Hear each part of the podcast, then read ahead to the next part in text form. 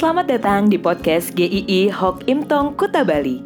Penginjil Ray Reginaldi akan membagikan renungan harian singkat untuk membawa Anda mengenal dan menyembah Tuhan Yesus, bertumbuh dan menjadi murid Kristus, serta berdampak untuk banyak orang.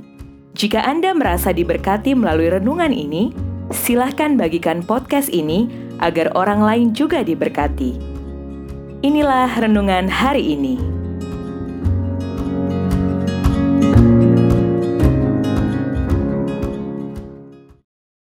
Berganti arah. Dua Raja-Raja 22 sampai 23 ayat yang pertama sampai 30. Ia melakukan apa yang benar di mata Tuhan dan hidup sama seperti Daud bapa leluhurnya dan tidak menyimpang ke kanan atau ke kiri. Dua Raja-Raja 22 ayat yang kedua.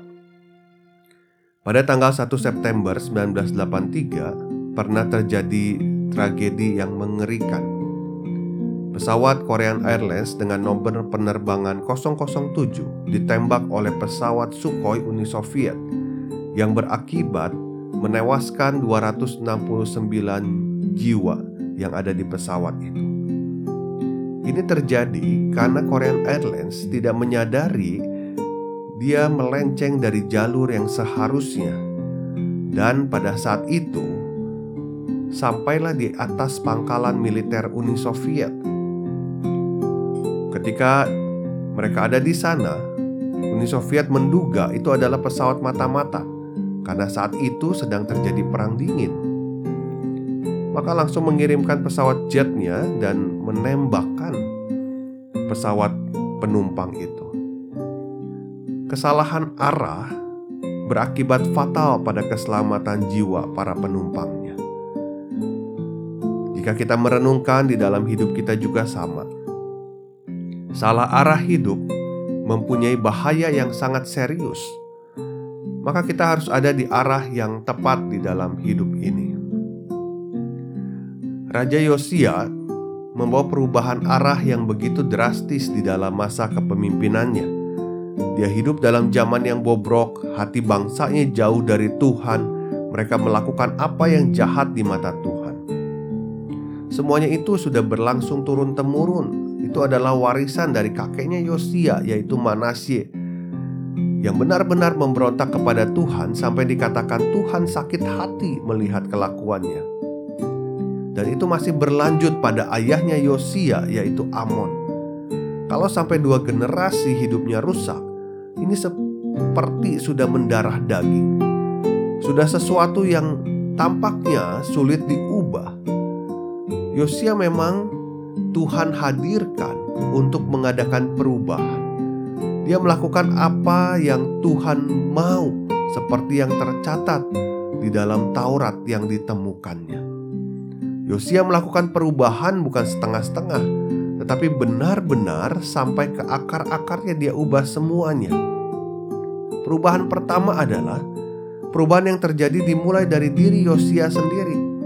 Firman Tuhan mengatakan Yosia menyesal dan merendahkan diri di hadapan Tuhan. Hanya orang yang sudah bertobat kepada Tuhan, yang mengerti jalan Tuhan, dan yang rindu untuk membawa perubahan juga bagi yang lainnya. Dia menyadari dosanya dan dosa bangsanya di hadapan Tuhan dan bertobat menyesalinya.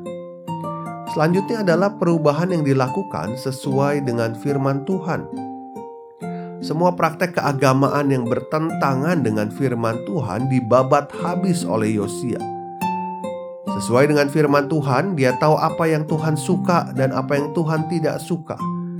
Dia menuruti perintah-perintah Tuhan itu dengan segenap hati dan segenap jiwa, sehingga seluruh rakyat turut mengikutinya.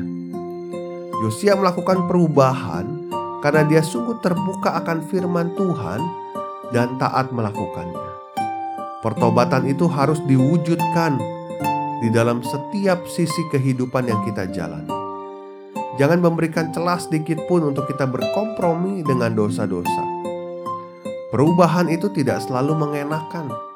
Di saat harus membuang hal-hal yang kita senangi, tetapi itu tidak Tuhan senangi. Semuanya itu memerlukan sebuah komitmen yang tidak setengah-setengah. Arah hidup semua manusia pun salah sebetulnya.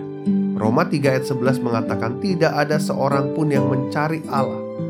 Setiap orang ingin hidup untuk dirinya sendiri, ingin memuliakan dirinya sendiri, ingin menyenangkan dirinya sendiri saja.